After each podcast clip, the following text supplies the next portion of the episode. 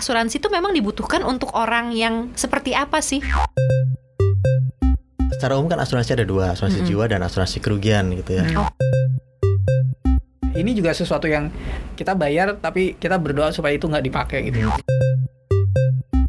Karena itu ada ilusi bahwa orang-orang awam yang lihat itu dikiranya itu kayak tabungan, Tabungan. gitu. Hmm. Aman, fixed return, tapi ada tambahannya, ada proteksinya, Mm-mm. ada investasinya. Mm. Koneksi. Konten. Ekonomi. Seksi Halo Sobat Cuan, kita ada lagi di segmen koneksi konten ekonomi seksi Dan ini ada gue kenalin lagi dan gue kenalin terus setiap minggu ya Ada gue Alin dari CNBC Indonesia uh, Dari Job Job Cuan. Semua kita dari CNBC Indonesia Ada Mas Novan, lead peliputan CNBC Indonesia Dan ada. Mas Argun, lead Halo. researcher dari CNBC Indonesia Konten ekonomi seksi di minggu ini Sobat Cuan ya Adalah yang lagi hot gitu. Kalau misalnya sobat cuan baca nih cnbcindonesia.com nih ada berita judulnya geger asuransi DPR panggil OJK Mm-mm. Dan banyak sama nasabah-nasabah asuransi ini gitu. Rame Kak, ya. Mm-mm. Jadi Komisi 11 DPR RI ini ngundang eh, OJK atau Otoritas Jasa Keuangan dan sejumlah nasabah asuransi untuk hadir dalam pembahasan masalah di industri asuransi yang kayaknya masalahnya banyak banget ya. Kalau sobat cuan pernah eh, baca atau pernah dengar gitu eh, soal Jiwasraya. Kemudian juga ada lagi Kresna, asuransi Kresna gitu ya dan Wana Arta gitu. Ini asuransi ya Mas Novan ya, Mas Hmm. Argun yang harusnya tuh memberi proteksi atau perlindungan gitu kan, memberi Iya. rasa aman dan nyaman gitu. Tapi kok malah bermasalah. Gimana sih Mas Argun gitu? Ini ada apa gitu? Mungkin buat sobat cuan yang nggak tahu duduk permasalahannya bolehlah diceritain sedikit sama kayak saya nggak tahu. Iya, kalau yang dipanggil di DPR itu kemarin memang ada reksadana juga. Jadi Hmm. nggak cuman asuransi, ada reksadana juga. Mm-mm. Tetapi intinya itu ada banyak nasabah yang komplain mereka merasa dirugikan. Mm. Mm. Jadi ketika mereka harusnya mendapatkan keuntungan yang dijanjikan, Mm-mm. baik perusahaan asuransi maupun perusahaan reksadana itu tadi, ternyata ya tidak bisa. Mereka nggak bisa mencairkan dana Hmm. atau haknya itu yang dijanjikan itu. Mm-mm. Problem utamanya kalau kita runut sebenarnya pada tahun lalu itu kan udah sempet rame tuh Jiwasraya. Mm-mm. Jadi problemnya mirip-mirip lah dengan Jiwasraya. Jiwasraya itu kan kita dulu inget dia produknya adalah saving plan. Mm-mm. Nah, problem yang terjadi di Wana Arta dan Kresna kurang lebih juga sama gitu. Jadi Mm. Wana Arta Jiwasraya itu menjanjikan fixed return Oke. yang tinggi. Mm-mm. Kalau Jiwasraya dulu itu kabarnya 9 sampai 13% per Hmm, tahun dari dana. Anda. Misalnya dana kita taruhlah 1 miliar, 10 persennya berapa itu kan? Mm-mm. 10, eh, ya itu per tahun nanti kita dapat gitu. Nggak perlu kerja, mereka yang kerja. Mm. Gitu. uang yang bekerja untuk anda gitu. iya. Nah, dikerjain. Heeh. Wana Arta juga kabarnya gitu. Dia juga memberikan uh, fixed return 10%. Mm-mm. Kemudian kalau di uh, Kresna katanya 9,5% gitu. Mm. Uh, ini yang ber- menurut nasabah nasabah mereka mengadunya seperti itu. Mm-mm.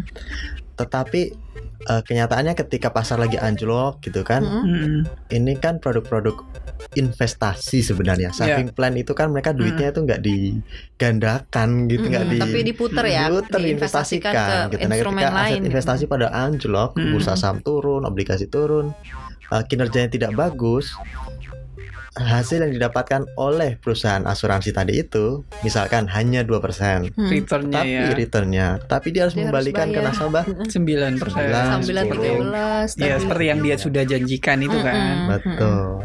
Berarti itu yang jadi sebenarnya yang persoalan. salah artinya apakah mindsetnya orang bahwa eh, sekarang kan udah agak tercampur nih antara asuransi yang tadinya kita kenal sebagai Proteksi. proteksi gitu kan kemudian ya untuk pemanis ya udah tambahin Mm-mm. investasi Mm-mm. supaya Mm. orang eh, Tertarik. tertarik gitu. gitu. kan karena kalau misalnya cuma asuransi doang ya duitnya kan hilang ya Iya, itu kan orang Indonesia gitu ya. Kalau ditawarin, iya ini asuransi gini-gini. Ntar kalau saya nggak klaim, uangnya angus ya. Gitu kan. Rata-rata. iya. Gimana? Kan kalau yang digugat adalah gagal bayar gitu ya. Ketika nasabah mengklaim ternyata tidak bisa dikeluarkan uangnya gitu. Tapi karena kita tahu kondisi lebih besarnya lagi bahwa yaitu bursa saham lagi anjlok dan asuransi itu naruh uangnya tuh di situ gitu sobat Hmm. cuan. Jadi uang yang kita bayar nih premi kita itu nggak cuma ditaruh di berangkas aja sama orang asuransi gitu. Diputerin diinvestasiin lagi gitu sobat cuan. Sementara ya kita tahu banyak eh, apa namanya saham juga lagi pada anjlok, obligasi, bunga bank juga turun gitu ya. Kondisinya sudah sudah seperti ini gitu, tidak memungkinkan dan sehingga juga perusahaan asuransinya kesulitan lah untuk menepati janji manisnya gitu. Iya. Jadi berarti ini ya, uh, Mas Arun bisa dibilang there's no such thing as sesuatu yang pasti gitu, fix apa tadi Return. uh, return gitu. Itu berarti bisa dibilang itu adalah sebuah kebohongan gitu. Eh, fixed return tuh ada. Ada, Tabungan tapi kecil banget. kecil banget. Nah itu Berarti kalau- ya, yang selalu saya ingatkan, ingetin terus sejak kemarin itu kan jangan mudah percaya dengan sesuatu yang too good to be Too true. good to be true. Gitu. Jadi di asuransi itu ada tiga jenis produk secara umum nih ya asuransi Iya. jiwa. Mm-mm. Produk asuransi perlindungan biasa konvensional kita Mm-mm. kenal lah. Jadi kita kalau bayar premi nanti kalau ada apa-apa misalnya mohon maaf ada Mm-mm. kejadian kemudian pertanggungan eh, bisa diklaim muncullah uang untuk ahli warisnya Iya. Mm-mm. itu yang uh, konvensional nggak ada aspek investasi, Investasi. ada. Mm-mm. yang kedua yang kita kenal itu di saving plan Mm. kalau di luar negeri itu namanya non link endowment Hmm. gitu nah itu apa itu produk yang kayak unit link Tapi Kayak unit link itu kan kita tahu ya ada Ah. manfaat proteksi ada Ada manfaat investasi investasi. Hmm. nah bedanya saving plan dengan unit link apa saving plan itu dia tadi tuh kuncinya di non link nah kalau unit link naik turunnya investasi itu terikat atau link dengan underlying asetnya asetnya Oh. jadi investasinya mm, misalnya ketika anda beli unit link kebanyakan diinvestasikan ke saham Iya. ya sudah saham lagi anjlok, saham anjlok, anjlok lah 5% value-nya gitu. anda harus siap bahwa investasi yang anda investasi, nikmati iya. ya turun sekitar 5% gitu. Hmm, hmm, Nah, kalau yang non link atau yang tadi kita sebut saving plan itu, Hmm. hmm, itu saham mau naik turun terserah, hmm. obligasi naik turun terserah. Tapi Anda dijanjikan fixed return itu tadi. Hmm. Apakah ini menyalahi aturan? Sebenarnya tidak. Tetapi praktik secara umum di dunia internasional, Hmm? saving plan itu menawarkan fixed return yang kurang lebih sama seperti deposito.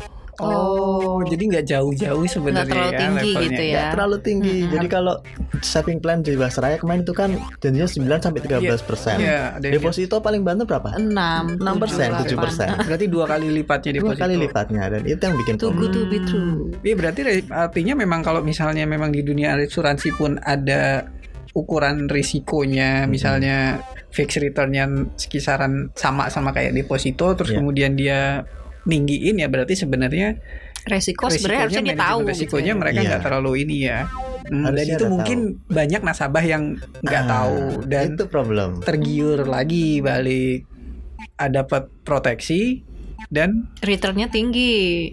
Return tinggi. Iya. Iya, ya siapa yang nggak mau? Dan keamanan seperti tabungan. Iya. Ah, Nah, itu. kan Komplit tuh. bener-bener surga gitu ya. Saya Padahal dapat kan kalau- proteksi kalau dari ka- risiko. Kalau keamanan seaman tabungan kan Ya, mereka tabungan. nggak ada, nggak ada LPS kan? Iya. Maksudnya nggak ada penjamin ada simpanannya penjamin. kan? Ah, iya, Artinya iya. nggak Mm-mm. nggak ada kalau tabungan kan udah jelas Mm-mm. amannya disimpan terus kemudian kalau ada apa-apa akan dijamin sama Ya. uh, LPS. LPS itu kan. Hmm. Sementara kalau misalnya dari sisi asuransi dan investasi seperti ini ya sopo sing ngarep ah. Tadi kan itu yang apa non link tadi itu ya. Eh, sama yang ketiga berarti apa? Unit link, iya. Hmm, yang udah gitu. kita kenal luas itu. Ha-ha. Jadi kalau di luar negeri yang lebih fam- terkenal tuh non link dulu. Oh, justru Non link dulu baru unit link. Kalau di Hmm, kita unit unit link linknya dulu dulu. yang lebih lebih rame. Hmm. Jadi orang memahaminya unit link buat investasi dan proteksi. Kemudian Mm. ya apa investasinya naik turun. Mm-mm. Itu omong orang udah paham. Tapi saving plan nggak banyak yang paham bahwa Hmm. memang itu di, di fix kan, Mm-mm. tetapi yang menjamin adalah perusahaan asuransi tersebut. Jadi Oke. kalau asuransi gulung tikar karena menjanjikan keuntungan yang terlalu tinggi, Ya bukan salah nasabah taruh di kasar situ ya. nasabah anak dan anda tidak bisa melakukan apa-apa gitu. Hmm. Karena itu memang karakter produknya seperti itu. Hmm. Di Berarti Jepang jaminannya sudah banyak, Hmm. India banyak saving plan, tapi itu tadi returnnya nggak set, ya meroleh Nggak sama seperti seheboh. deposito.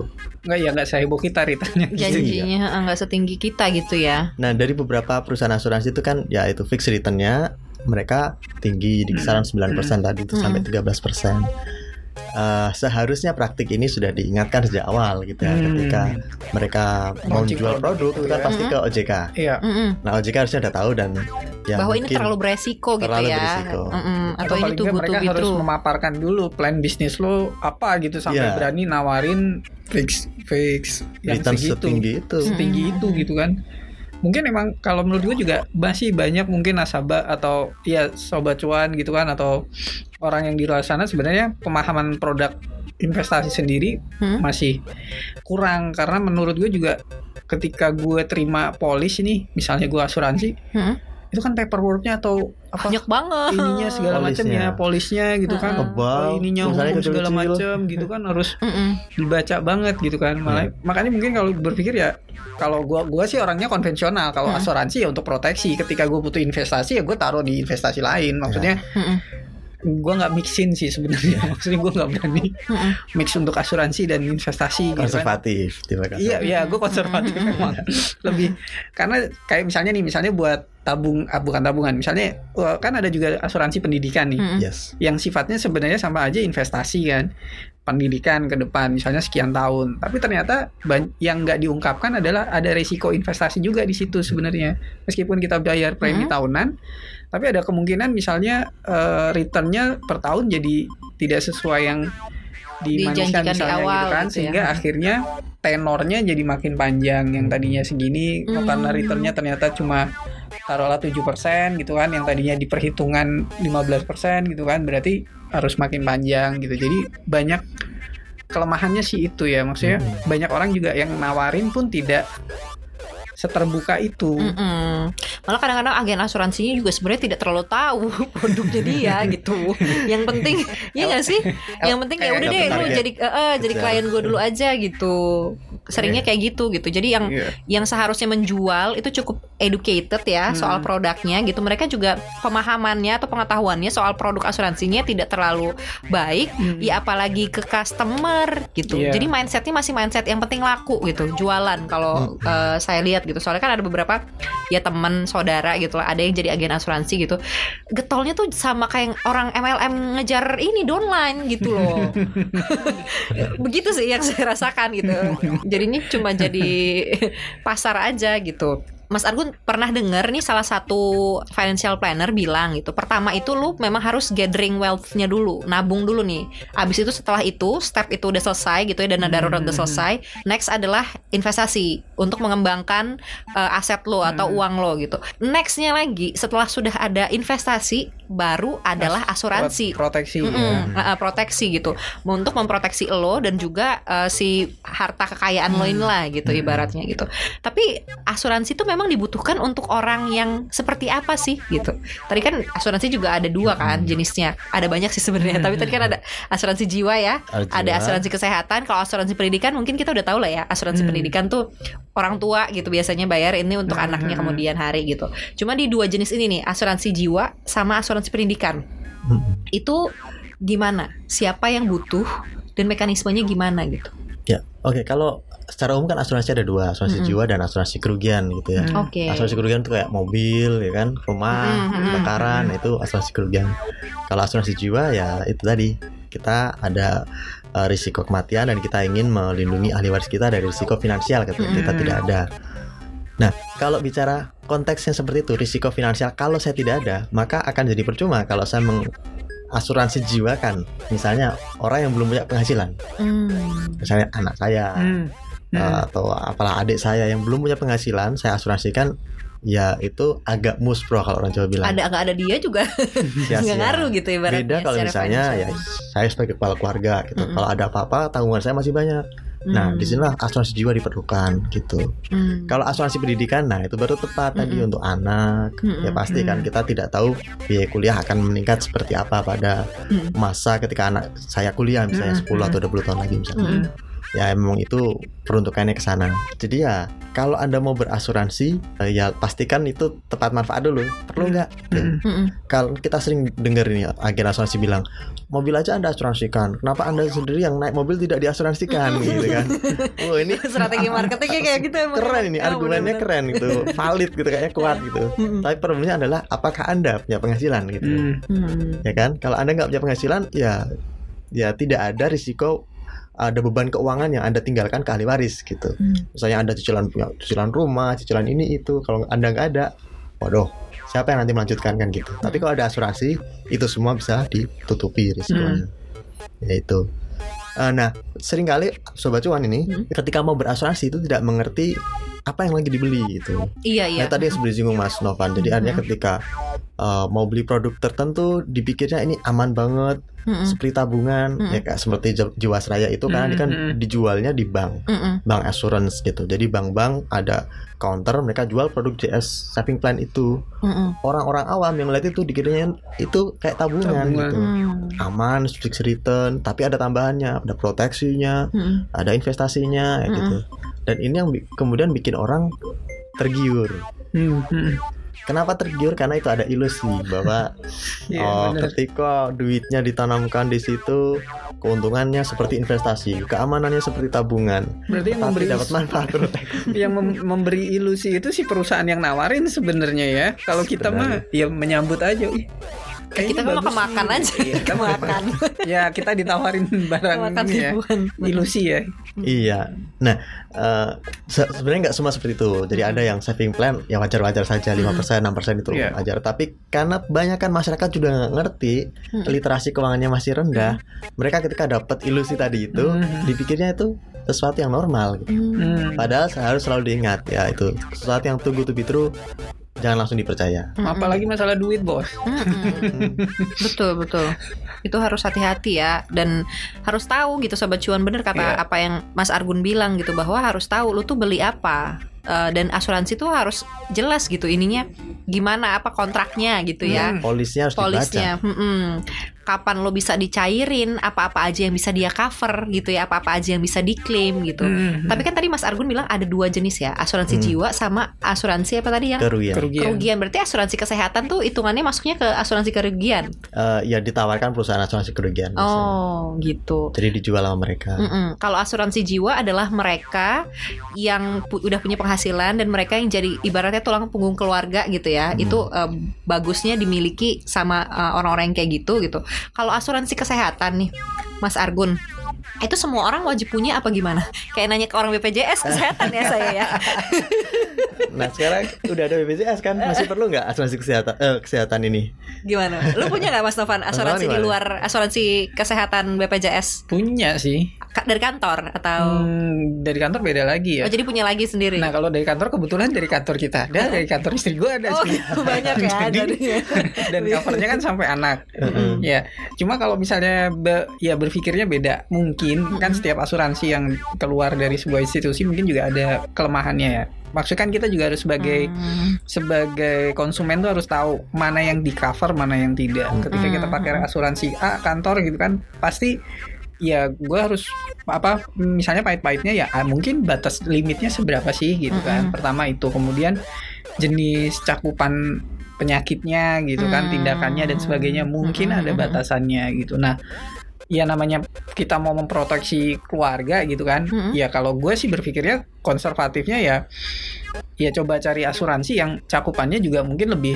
luas gitu Hmm. artinya kalau kalau gue pakai asuransi kantor A udah mentok segala macam ya Hmm. ini juga sesuatu yang kita bayar tapi kita berdoa supaya itu nggak dipakai gitu gue kemarin gue bayar premi asuransi tapi gue berdoa gue nggak pernah pakai tidak itu pernah memakai Kan itu gitu kan. gitu, tapi tetap karena ya kita harus menyisihkan untuk proteksi kan ibarat kata kita Hmm. bikin bikin barrier kita maksudnya bikin safeguardnya kita kan Hmm. nah itu di, dihitung sebagai jadi eh, kepikirannya ya cuma gimana cara melengkapi cari produknya Mm-mm. yang bisa lebih luas Mm-mm. ya sesuai dengan kemampuan juga terus Hmm. perlindungannya ke siapa gitu Hmm. kalau gue masih tetap tetap menurut gue sih masih tetap perlu ya karena ya kalau misalnya kita hanya mengandalkan dua dari perusahaan juga kan belum tentu ya Selamanya ada- kerja di situ juga Iya, gitu kan. itu satu dan kedua juga ada limitnya gitu kan. Mm-mm. Kita nggak bisa mungkin perusahaan juga nggak mungkin menggantungkan oh ya udah loss gitu kan nggak mungkin. iya. gitu.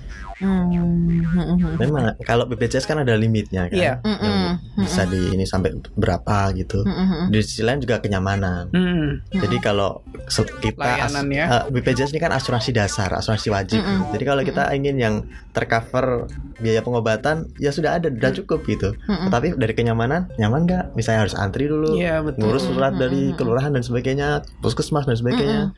Dan kalau mau naik kelas harus ya nunggu Mm-mm. misalnya. Mm-mm. Kalau anda udah ikut asuransi kesehatan tambahan yang swasta, ya ada kenyamanan yang bisa anda Iya. dapatkan. Kan ada Tergantung juga kebutuhan kita sebenarnya. Hmm. tinggal cukup gesek gitu kan Iya. segala macam gitu kan Hmm. klaim-klaim iya sebisa mungkin sih kalau kalau gue sih menyarankan ya cari yang memang mudah tadi jangan Hmm. sampai kita justru kesulitan untuk klaim justru kesulitan untuk apa gitu kan pastiin juga apakah ini nyaman ya misalnya asuransi gesek segala macam kalau misalnya ini tapi kan kalau misalnya ada yang sistemnya reimburse kemudian kita ngajuin klaim kemudian Mm-mm. beberapa hari kemarin nah itu juga harus dipertimbangkan Hmm. jadi sobat cuan tuh harus mempertimbangkan juga kalau gue beli pakai asuransi ini mekanismenya gimana ketika Mm-mm. nanti gue misalnya dalam tanda kutip rawat inap atau Mm-mm. rawat jalan apakah gue harus kemudian bayar dulu sendiri kemudian diganti sama asuransinya atau gue bisa langsung pakai aja itu kartu asuransinya gitu kan. Kayak gitu. Karena ada ada perusahaan asuransi yang menawarkannya ya beragam gitu kan. Iya, ada yang misalnya udah lu bayar sendiri nanti per per report misalnya gue eh, bayar eh, gantinya sekian gitu Mm-mm. plafonnya gantinya sekian Mm-mm. gitu ada juga gitu. Kalau gue sih orang yang nggak mau repot juga sih. Langsung ya. mendingan langsung deh. Usah reimburse-reimburse gitu. Kalau gue sih gue punya asuransi sendiri Hmm. yang reimburse. Hmm. Heeh. Karena gue berpikir bahwa gue toh punya asuransi kantor. Kan kalau Hmm. asuransi kantor tuh yang tap and go gitu lah ya iya, ibaratnya betul. kan. Heeh. Heeh. bisa langsung gitu. Nah, nah, kalau yang ini reimburse karena Hmm. Jadi sat- shield pertama gue itu adalah asuransi kantor sih gitu. Iya, jadi asuransi sendirinya itu nanti gitu sama kalau iya gue juga Iya. ibaratnya gitu proteksi berlapis-lapis gitu kan. gitu sobat cuan jadi harus eh, jeli juga ya produknya kayak gimana dan yang lu udah punya tuh apa gitu apalagi Betul. kalau sobat cuan yang mungkin baru pertama kali kerja nah itu dilihat juga tuh asuransinya mengcover apa aja sih gitu nah Hmm. mungkin bisa dilihat dari yang mungkin tidak di cover sama kantor kalau misalnya Hmm. memang tertarik untuk memproteksi diri lebih lagi ya beli asuransi yang eh, lebih luas dari itu gitu yang Hmm. yang yang mengcover apa yang tidak di cover sama asuransi kantor Hmm. gitu. Nah terus kalau kita lihat ya eh, Mas Argun kan masyarakat Indonesia tuh kayaknya investasi aja belum terlalu terliterasi ya, apalagi sama asuransi gitu kan. Ya. Iya. Em, apa ya bisa kita kasih tahu gitu ke sobat cuan terkait asuransi ini selain tadi kan harus jeli Mm-mm. produknya apa, Hmm. milihnya gimana gitu kan. Apalagi sih Mas, apakah mindset bahwa memang asuransi itu adalah uang yang lu serahkan gitu ya atau lu bayar dan memang lu tidak akan dapat apa-apa gitu. berharap Kayak uangnya dipakai, akan kan hilang gitu, eh, berharap tidak Berharap bahkan dipakai. ya. dipakai Gimana gitu. Dan kenapa gini deh? Ini begonya sih pertanyaan. Kenapa sih gue harus asuransi gitu? Hmm. Ya gue tabung aja ntar kalau gue sakit ya pakai uang tabungan gitu atau Hmm. gue investasiin aja gitu. Apa apa benefitnya asuransi itu apa sih gitu? Iya. Ya, sebenarnya kita butuh asuransi atau enggak itu kan tergantung apa namanya pola pikir kita gitu ya. Hmm. Kan kalau di orang-orang tradisional tuh kalau ada apa-apa yang nanggung anak saya gitu kan, keluarga saya, Iya, iya. paman, bibi gitu kan.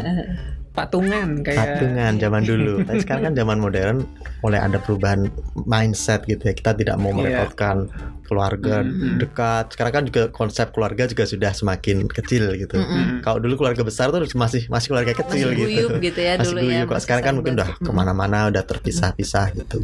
Nah di situlah asuransi mulai diperlukan. Ibaratnya kalau kita beli asuransi ya memang wujudnya nggak ada nggak kelihatan Mm-mm. di depan kita. Mm-mm. Asuransi jiwa terutama itu wujudnya baru terlihat oleh ahli waris kita mohon maaf. gitu. Hmm. Jadi tapi yang kita dapatkan apa? Kita itu ada semacam shield atau payung Mm-mm. payung apalah imajinas imajinatif Ilusi gitu. ada payung ilusi. Bukan ilusi. Imajiner. Imajiner tepatnya. Jadi dia melindungi kita kalau ada risiko apa-apa. Tapi tentu kita tidak ingin resiko terjadi. itu apa payung itu kita Hmm. ini pakai gitu ya. Hmm. Eh, karena kita emang ingin membeli perlindungannya itu aja. Hmm. Perlindungan apa? Perlindungan pada eh, aspek finansial. Kita nggak bisa ber- asuransi nggak bisa melindungi kita dari Hmm. apa ya kecelakaan Iya. atau apa Hmm, hmm, kejadian hmm, kejadian buruk kita kita bisa dilindungi itu hanya Tuhan dan ya Mm-mm. ya kita lah yang yang yang mungkin nanti akan mengetahuinya. Tapi kalau asuransi ya nggak ngerti. Cuman dia menjamin risiko itu aja. Kalau ada Hmm. apa-apa aspek keuangan gimana Iya. mereka yang membantu. Tapi sering kali masyarakat itu ketika beli asuransi dia lupa dia nggak meneliti apa yang dia beli gitu. Hmm. karena ada beberapa risiko yang dikecualikan Hmm. misalnya sekarang kan asuransi kesehatan Iya, misalnya betul. risiko HIV misalnya umumnya mereka nggak mengcover gitu terus Hmm. kemudian ketika mohon maaf ada yang kena HIV terus dia mau mengklaim kok ditolak gitu Hmm, kaget hmm, dia hmm. nah dia lupa dia lupa di polis ternyata ada pengecualian hal-hal seperti itu atau misalnya meninggal karena tidak wajar Iya. gitu nah ini kan sempat oh, rame ya ada Mm-mm. ibu suaminya meninggal dan asuransi menolak membayarkan klaim karena penjelasannya tidak jelas katanya Hmm. dispute dispute seperti ini sering terjadi kalau eh, nasabah atau calon nasabah asuransi tidak meneliti apa yang dia beli Iya. Hmm. dia lupa beberapa risiko itu sebenarnya nggak di cover gitu Hmm. Nah, pastikan Anda udah membeli dengan membaca polis secara detail. Risiko yang dikecualikan apa, yang tidak dikecualikan apa. Hmm. Nah, risiko yang ingin Anda hindari dari diri Anda Mm-mm. termaktub di situ nggak? Include nggak? Hmm. Kalau include, silahkan beli. Kalau nggak, jangan. Nah, ini kan Iya. include enggaknya baru tahu kalau udah dibaca. Iya. Nah, problemnya sering kali kita beli asuransi itu kayak di udah ini beli aja, aja agen gitu kan Mm-mm. biar cepat itu antar tangan antar ini ya gitu loh. Nah Iya. ini yang jadi sering salah kaprah di uh, masyarakat. Mm-mm. Ya sama kayak kita belanja di mana ya di ya ibaratnya kita belanja di care di mana sih di Carrefour atau di Hmm. gerai-gerai hypermarket itu kan Hmm.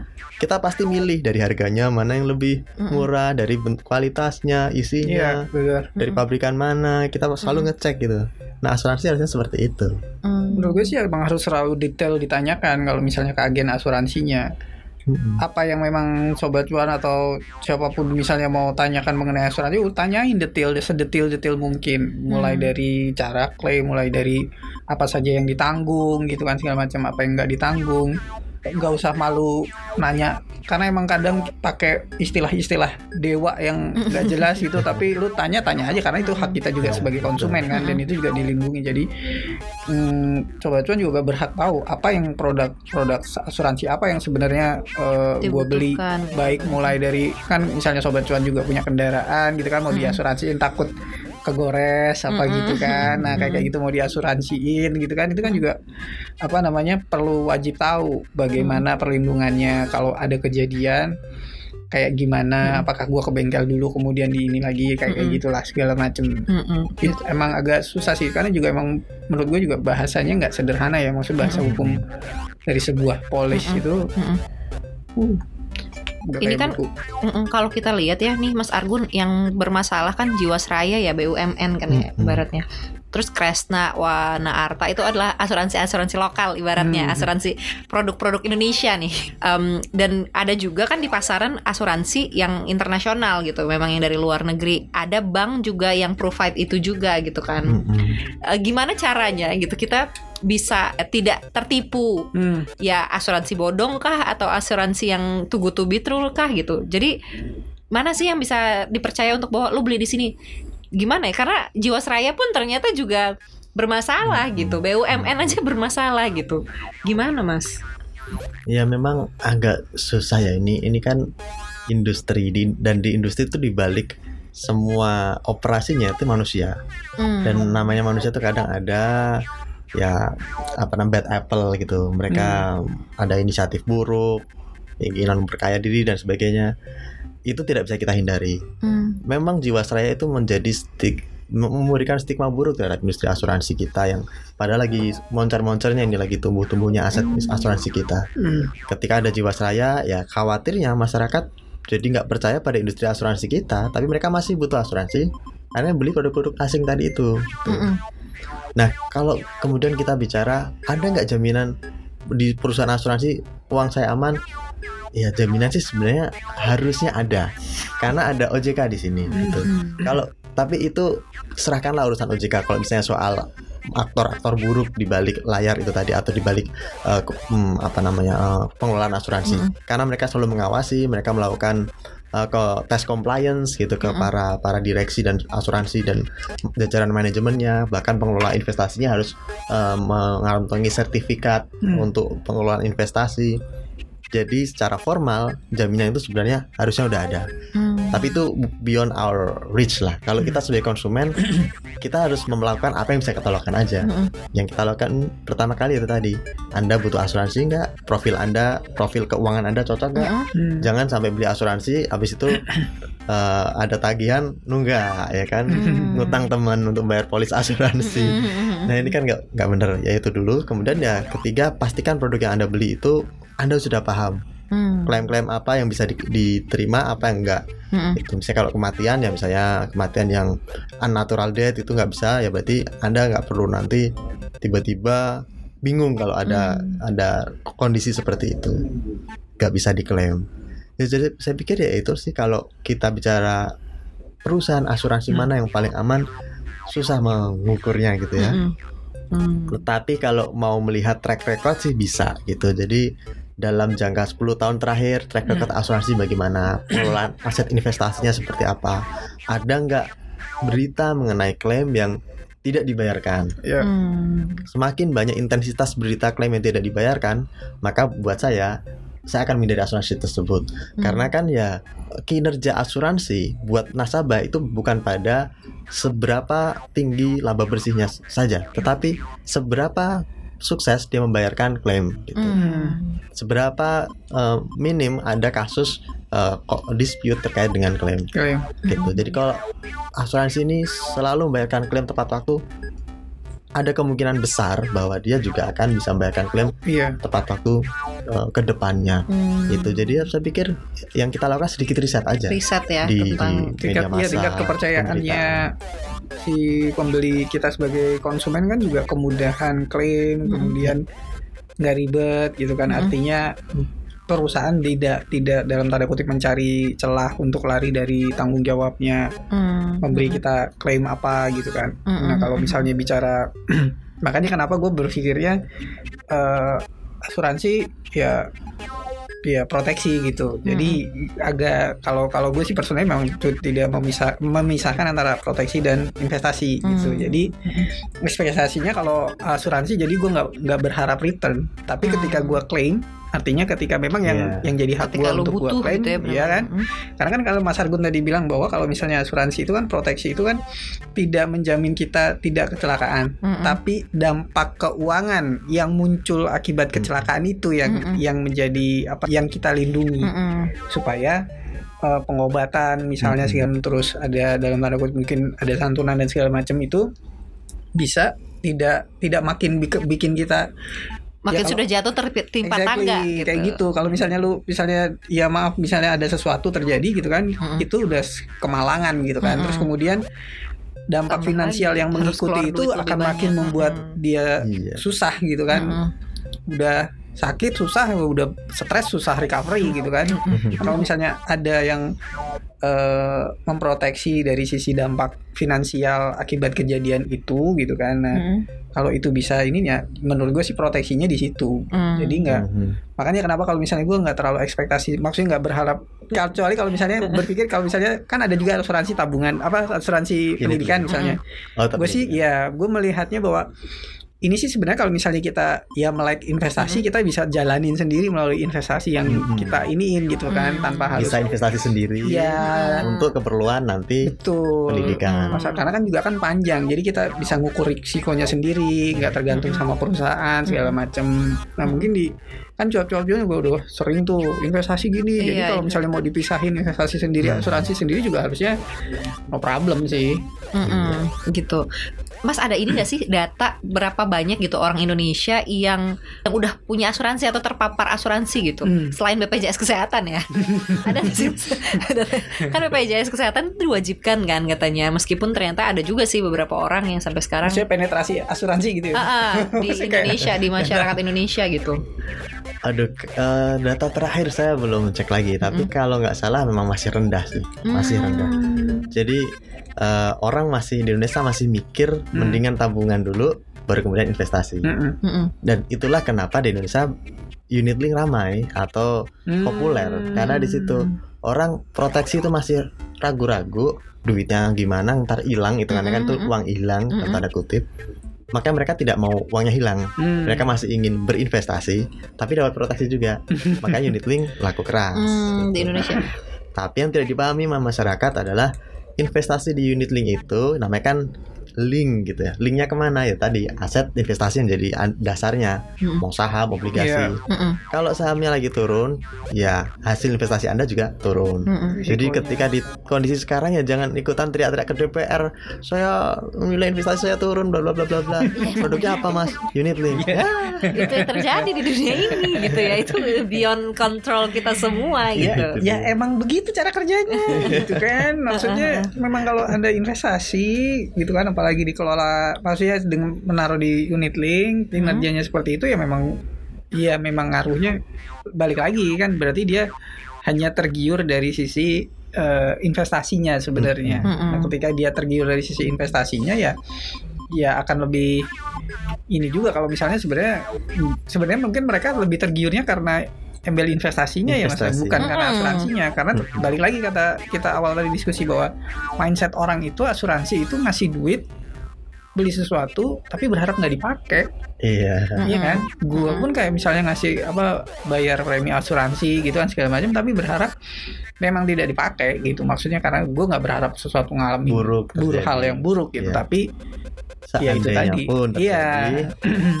terlindung. gitu. Jadi makanya nariknya melalui bahwa oh ini selain proteksi kita juga nanti diinvestasiin sekian persen diinvestasikan, sekian persen untuk eh, apa namanya asuransinya Mm-mm. gitu. Nanti Bapak dapat return sekian gitu biasanya sih. Mm-mm. Dan sebenarnya orang ngelihatnya returnnya itu bukan proteksinya. Ya. Mm, Jadi kadang dia nggak melihat proteksi apa yang sebenarnya dia dapat. Mm-mm. Mm-mm. Kebanyakan orang di unit link gitu. Mm-mm. Mereka hanya Oh, memikirkan returnnya segini returnnya nih. ya. Hmm. Misalnya oh returnnya di perusahaan asuransi ini gini Mm-mm. gini gini gini gini dapat proteksi begini. Tapi mereka nggak mendalami sebenarnya proteksinya apa yang mereka dapat. Iya. Mm-mm. Proteksi Mm-mm. kesehatannya apa, proteksi jiwanya apa segala macam nggak didalamin yang didalamin Mm. tuh Returnnya. returnnya. Mm. yang yang kadang dikasih gimmick setara dengan 9% per tahun. Hmm. Di-. Dikiranya itu udah Mm-mm. fix gitu. Kadang seperti itu. Nah, padahal trennya lagi menarik loh ini Alin dan Mas Novan. Jadi kalau asuransi jiwa di Indonesia saat ini itu mereka sudah semakin berani untuk berinvestasi. Ini ngomongin Hmm. unit link juga ya. uh, berinvestasi di pasar modal. Ini Hmm. beda dari 10 tahun yang lalu. Kebanyakan mereka itu kalau naruh dana investasinya itu ditaruh di deposito. Hmm. Kemudian uh, berjangka ya properti kayak gitu. Jadi yang Hmm. aman-aman dan returnnya kecil. Hmm. Jadi kalau kita punya uh, unit link 10 tahun yang lalu, mungkin ya returnnya kecil gitu. Hmm. Nah, sekarang kan Hmm. mereka sudah berani lebih Ke lebih pasar. ekspansif ke pasar Hmm.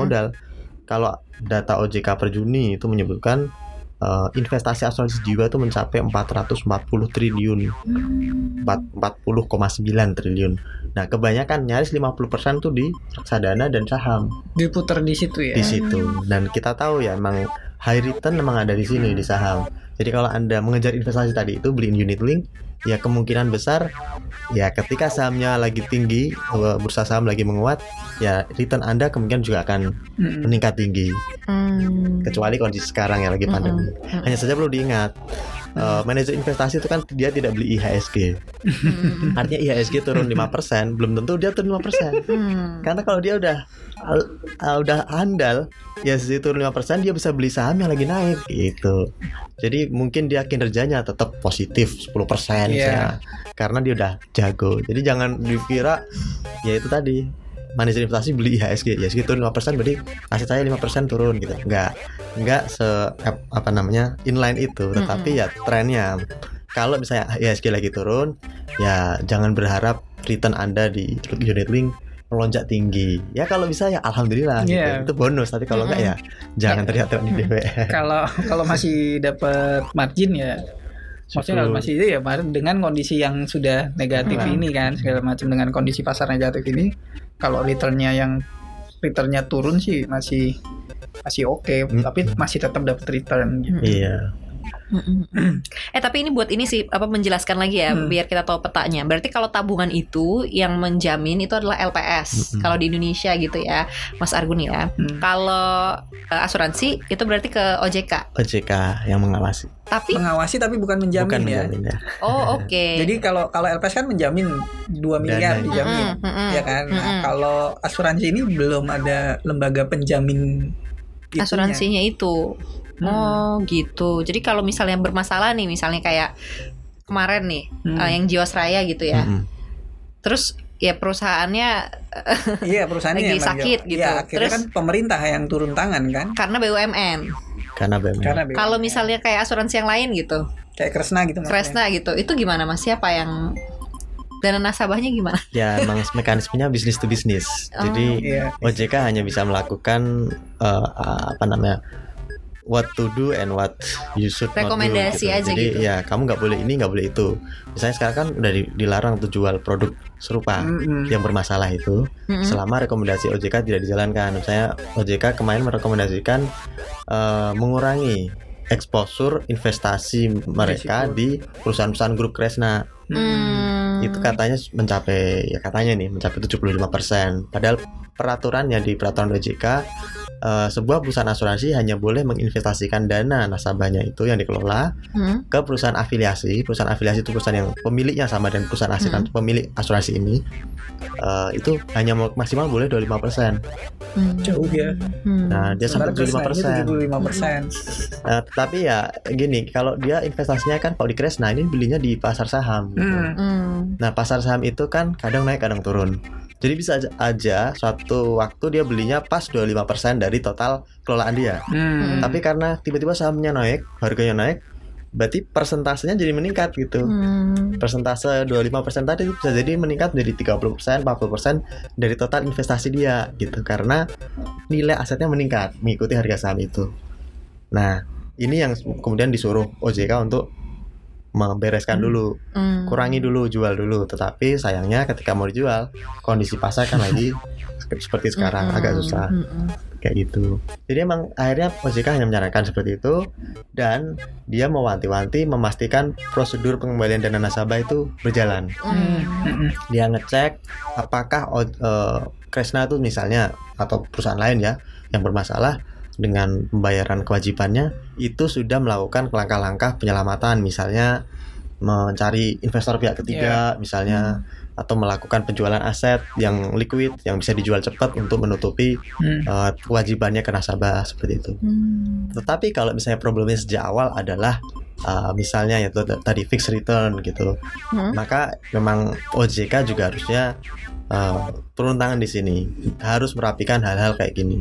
Jangan sampai ada kasus-kasus jiwasraya yang lain Hmm. kayak gitu. Jadi pengawasannya dia harusnya sejak awal berjalan gitu. Artinya produk-produk produk-produk yang dalam tanda kutip menjual ilusi itu tadi juga harusnya mulai sekarang juga udah diawasin lah ya dipantau kinerjanya segala macam atau apa namanya bagaimana produk-produk itu bisa benar-benar menjamin level return yang dia janjiin gitu kan ya Mm-mm. dan melihat ya ibarat kata men- dan menilik ke dalam juga benar nggak kira-kira lu bisa lu mampu ngasih return sekian gitu kan apalagi dengan kondisi kayak gini Hmm. Hmm. Hmm. Iya, makanya ketika saving plan 9%, 13% kan kita bisa sebenarnya kalau kita mengerti industri asuransi atau industri investasi secara umum itu besar sekali gitu. Hmm. Perusahaan mau ngapain bisa menghasilkan return sebesar itu gitu? Eh, apakah dia bisnisnya perjudian gitu ya? Bisa dapat duit banyak kan? Ya, ya gimana ya? Maksudnya harusnya sejak awal ketika nasabah mendapatkan tawaran segede itu sudah apa skeptis gitu. apalagi harus curiga. robonya sampai ke Inggris kan di Liga Manchester City itu kan Iya. Jiwasraya. Oh, itu pemain-pemain Manchester City semua itu yang waktu itu tahun berapa Iya. itu awal-awal saving plan itu lagi booming gitu kan. Hmm. Sampai mereka bisa jadi sponsornya klub Kalau di Mm-mm. Inggris, Inggris di Inggris itu. Tapi tuh kayaknya bisa dibilang bahwa asuransi tuh belum terlalu membudaya ya di kita ya. Kalau di luar negeri gitu ya Mas ya kan kalau Iya. kayak di Eropa gitu atau Amerika gitu asuransi tuh memang sepenting itu ya Iya. orang-orang tuh udah sadar gitu punya Iya. kesadaran bahwa insurance itu memang Hmm. penting gitu kita nabrak orang misalnya nabrak mobil nih Mm-mm. mobil orang gitu kan ya udah oh ntar di kontak sama asuransi Iya. gua gitu kan Heeh. beres nggak usah ribut di jalan kayak kita gitu Oh, mata lu di mana Iya. nyariin mata Iya, dia kalau di kalau di Indonesia kan udah ribut-ribut mau Ah, ah. bikin macet Iya, gitu kan tinggal- ribut-ribut di gitu sana kan. tinggal tukeran nomor udah Iya. nanti Nah, diselesaikan tinggal kali ntar diselesaikan sama asuransi. Jadi Iya. asuransinya siapa yang nanggung gitu. Sebenarnya di kita juga ada mekanisme seperti itu. Kayak Cuma gitu. ya itu. third party liability Mm-mm. Kita kita apa namanya? Kita mampu beli mobil tapi nggak mampu melindungi. asetnya itu mobil Iya. Hmm. Hmm. ya itu kenapa asuransi mobil itu lebih dulu dibanding asuransi jiwa kebanyakan ya karena itu kalau mobil kan real maksudnya Ya. kalau ada gesekan apa aduh lima ratus ribu gitu. misalkan satu juta Hmm. nah ini kan agak merepotkan makanya Hmm. asuransi mobil diperlukan banyak orang dan ini memang pro- produk asuransi paling laku di Indonesia Karena ini Mobil, mas, ketika properti. kita nyicil, pengalaman include. gue eh, itu udah di ini di bundling. Udah include. Jadi eh, mobil-mobil ya mobil-mobil baru, Iya. mobil lama Heeh. dengan usia kendaraan tertentu memang ada. Jadi ada yang ini karena istri gue juga kerja di asuransi oh mobil. gitu. jadi gue tahu jadi mereka dia ngajarin gue oh gitu sistemnya jadi ketika klaim seperti apa kayak kayak gitu tapi emang nggak memang ya memang wajibnya sih memang kayak gitu jadi beli barang baru udah sama proteksi asuransinya Mm-mm. ketika nyicil Handphone gitu. juga sekarang ada asuransinya loh. apanya Handphone ada Iya. asuransi. oh iya. Heeh. Mm, betul betul Gitu. Jadi sobat cuan. kalau misalnya diikuti sertain dan itu sekali berapa ini kan ya bayar misalnya di awal gitu kan Mm-mm. awal kita beli kita nambah sekian untuk dapat asuransi, Asuransi, jadi kalau uh-uh. misalnya apa pecah atau mati Iya, apa dia bisa ganti macam. spare partnya gitu-gitu. Dan Mm. itu bisa di renew gitu. Iya, Jadi iya, handphone handphone diperpanjang ya. Heeh, diperpanjang jadi kayak eh, misalnya tahun ini habisnya di bulan apa gitu, lu Hmm. mau renew nggak, lu bayar lagi preminya gitu, asuransi gitu. Hmm. Jadi kalau dulu ada apa kalimat marketingnya lah mobil aja diasuransiin gitu, masa dari anda enggak gitu. Sekarang handphone aja diasuransiin, sobat cuan. Tapi itu ya, apa namanya jeli ya produknya tuh apa gitu sobat cuan. Dan apakah sobat cuan tuh memang Hmm, sudah perlu. eh, perlu gitu asuransi jiwa gitu. Gue pikir kalau untuk proteksi maksudnya gini, jangan berpikir kayak yang akan rugi karena nggak akan balik gitu ya. Mm-mm. Ya karena itu proteksi gitu. Mm-mm. Namanya proteksi ibaratnya ya kita bangun bangun benteng gitu, bangun tembok. Mm-mm. Anggap, anggaplah sebagai sebuah eh, investasi investasi yang akan melindungi, bukan investasi yang akan memberikan lu return. Mm-mm. Gitu. Tapi untuk investasi menutup cost Iya, Mm-mm. investasi untuk melindungi lu dari uh, loss yang akan Hmm. yang akan lebih besar kalau terjadi sesuatu gitu. Jadi pola pikirnya lebih baik ke sana. Jadi Mm-mm. jangan jangan jangan berpikir ah rugi gue ngabisin spend misalnya 500 ribu untuk asuransi kesehatan gua gitu kan uang gue hilang segala macam gitu daripada 500 ribu ya jajannya dengan dengan nggak sehat juga kan Mm-mm. Lebih baik dijaga itunya tadi bikin bentengnya itu tadi bilang sih. Betul gitu sobat cuan. Mas Argun mungkin ada apa nasihat gitu buat sobat cuan. Kayaknya kalau sobat cuan nih mungkin masih ini ya asuransi ya udahlah BPJS aja gitu atau asuransi dari kantor kalau yang baru baru-baru kerja gitu ya. Hmm, Kalau asuransi kantor atau ini mengandalkan itu sih nggak apa-apa. Cuma Mm-mm. memang harus eh, aware juga. Ka- kalau kayak kayak Alin bilang kan ada orang ngapain gue 500 ribu untuk hilang. Kenapa nggak gue tabungin? Kan kita balik lagi tuh pernah kita ngomongin episode kalau Mm-mm. tabungan kan. Tabungan kan biasanya untuk tujuan tertentu. Mm-mm. Hmm. Bukan maksudnya dialokasikan nabung untuk tujuan tertentu. Misalnya beli A dalam jangka waktu sekian gitu kan Mm-mm. tapi bukan untuk tujuannya tadinya taruhlah kita nabung untuk beli A tiba-tiba kejadian sesuatu kita semua pakai tabungan karena kita nggak punya asuransi Hmm. kesehatan itu tabungan harus habis dan mimpi lu untuk membeli sesuatu itu harus pending lama lagi karena uangnya Kepake. kepake gitu kan Mm-mm. nah jadi lebih baik itu sih tapi kalau misalnya memang sudah ada asuransi dan merasa cukup ya mulailah berinvestasi Mm-mm. Eh kebalik harusnya investasi dulu ke tadi. iya maksudnya kalau anda ada asuransi dari Oh asuransi dari kantor Nah, gitu ya. Mm. asuransi kantor, BPJS, dari Uangnya kantor, dialokasikan ke macam, ya monggo aja investasi udah mulai investasi. Jadi kalau misalnya ada sesuatu atau apa punya punya sesuatu yang bisa dicairkan gitulah. Mm-mm. Jadi Hmm. itu ya masalah uh, prinsipnya atau mindsetnya dan juga knowledge-nya tentang Iya. asuransi gitu. Bingung sih harusnya kita narsum kita tuh salah satunya adalah ini Apa? apa, penjual asuransi Jangan gitu. nanti jualan bos. nanti jualan. Oh gitu. Jadi gimana Kalau sponsor Pak? mungkin ya. Terselubung. ini kode ceritanya. Oh, dari sponsor perusahaan asuransi nih gitu. Tapi itu balik lagi lah ya. Pokoknya kalau masalah uang tuh kita yang tahu apa kebutuhan kita sih. Ya dan ya nah, risiko kita lah. Kalau kita ngomongin asuransi, kita sendiri yang tahu risiko kita. Anda punya mobil, Anda punya rumah, Anda pasti tahu risikonya apa. Mm-mm. Anda ngerasain kalau mobil lecet butuh Mm-mm. berapa, Mm-mm, kita rumah misalnya ke- eh, ada apa-apa renovasi Mm-mm. butuh berapa. mm-mm, Dan kalau kemudian kira-kira harus nyicil per bulan 100 ribu untuk itu atau 200 ribu, apakah kerasa? Ya itu kan Anda sendiri yang ngerasain. Tapi kan kalau Anda ngerti risikonya terlalu besar mm, untuk produk yang Anda miliki, ya asuransi lah, mm-mm, termasuk kesehatan Anda. mm-mm. Anda tahu risiko yang besar, ya mau nggak mau harus beli produk asuransi. Sekarang kan kita masuk eh, mohon maaf nih kita juga tidak ingin tentunya, Mm-mm. tapi kalau suatu saat kita sakit misalnya harus opname udah berapa gitu kan kita udah bisa membayangkan Mm-mm. berapa kebutuhannya apakah BPJS bisa mengcover itu semua jadi emang kalau menurut saya buat sobat-sobat cuan kaum milenial itu Mm. terutama ya kalau punya eh, apa namanya aset Hmm? dalam arti aset harta benda yang perlu diasuransikan asuransikan gitu. Dan di sisi lain kalau anda masih punya eh, apa namanya dana sisa ambil asuransi kesehatan. Itu saya pikir wajib. Hmm. tetapi kalau sudah ada di cover beda ceritanya. Bisa di cover oleh bapak ibu dan sebagainya beda ceritanya. Tapi kalau setelah itu anda berpikir perlu nggak asuransi jiwa?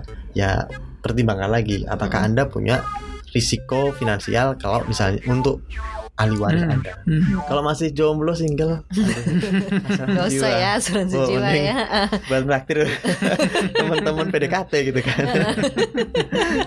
Tapi kalau udah sudah berpenghasilan dan tidak punya asuransi jiwa, padahal udah punya anak, punya istri, itu keterlaluan. Hmm. Artinya kurang care. Kalau di Amerika Serikat misalnya, Iya. orang pro- tradisi berasuransi jiwa itu tinggi karena Mm-mm, living cost mahal. Mm, Sekali Anda di PHK, kehilangan pekerjaan, tagihan tuh datang semua. mm. Di sana kan orang beli apa pun pakai kartu kredit sekarang Mm-mm. kebanyakan ya, Mm-mm. jarang yang cash. Jadi mau beli rumah, beli Mm. apa di luar ini atau kebutuhan sehari-hari ya yang itu mobil rumah itu udah tinggi sekali ininya Mm-mm. apa tagihannya. Jadi kalau misalnya kehilangan pekerjaan atau ya itu kehilangan salah satu kepala keluarga gitu dalam sebuah rumah tangga kerasa banget. Makanya Mm. mereka tidak ingin membebani eh, anak istrinya, orang-orang yang disayanginya. Dan salah satu bentuk cinta kasih itu dengan berasuransi jiwa Mm. karena tidak ingin men- eh, meninggalkan mereka Hmm. dalam, dalam kondisi susah. kondisi susah. Hmm. Nah di Indonesia ini eh, mindset itu harusnya sudah mulai terbangun. Iya. Kalau dulu oke lah, misalnya jiwa gotong royong dan sebagainya, Mm. Ada yang kesusahan dibantu oleh keluarga yang lain-lain. Tapi sekarang kan zamannya sudah Iya. berubah. gitu. Hmm. Jadi ya kita sendiri harus bertanggung jawab dengan ya eh, apa namanya beban terhadap ahli waris kita seharusnya. Mm-mm. Gitu. Mungkin kalau orang-orang tua zaman dulu emang mikirnya ninggalin warisan aja gitu udah cukup Iya, gitu iya, ya. warisannya kan juga aset loh. Iya, Ketika tanah mereka gitu. ini kan segala macam harganya udah naik berarti kan. Berarti Uh-uh, ya mungkin itu bentuk asuransi mereka zaman dulu kayak zaman gitu. dulu kayak gitu. beli aset ini itu ini itu misalnya tanah. Tapi kan sekarang kita udah turunan ke berapa ya? Iya. Ibaratnya kan dulu kalau nenek kita, kakek kita gitu ya. Masih punya aset. Heeh, Sekarang- tanah masih luas gitu. Udah dijualin sama anak kayak kita ke kita lagi makin turun makin turun nggak ada warisannya. Sekarang kita mau beli aset aja harus nyicil. Heeh, kayak gitu. Iya benar. betul betul gitu.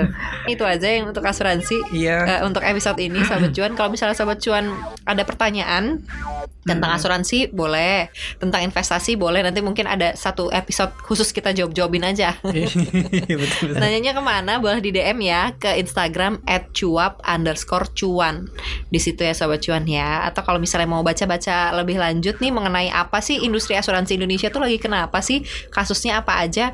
Bacalah tulisan-tulisan di www.cnbcindonesia.com. Di situ ada tulisan dari eh, jurnalis kita gitu ya dan juga ada dari timnya Mas Argun, tim riset CNBC Indonesia.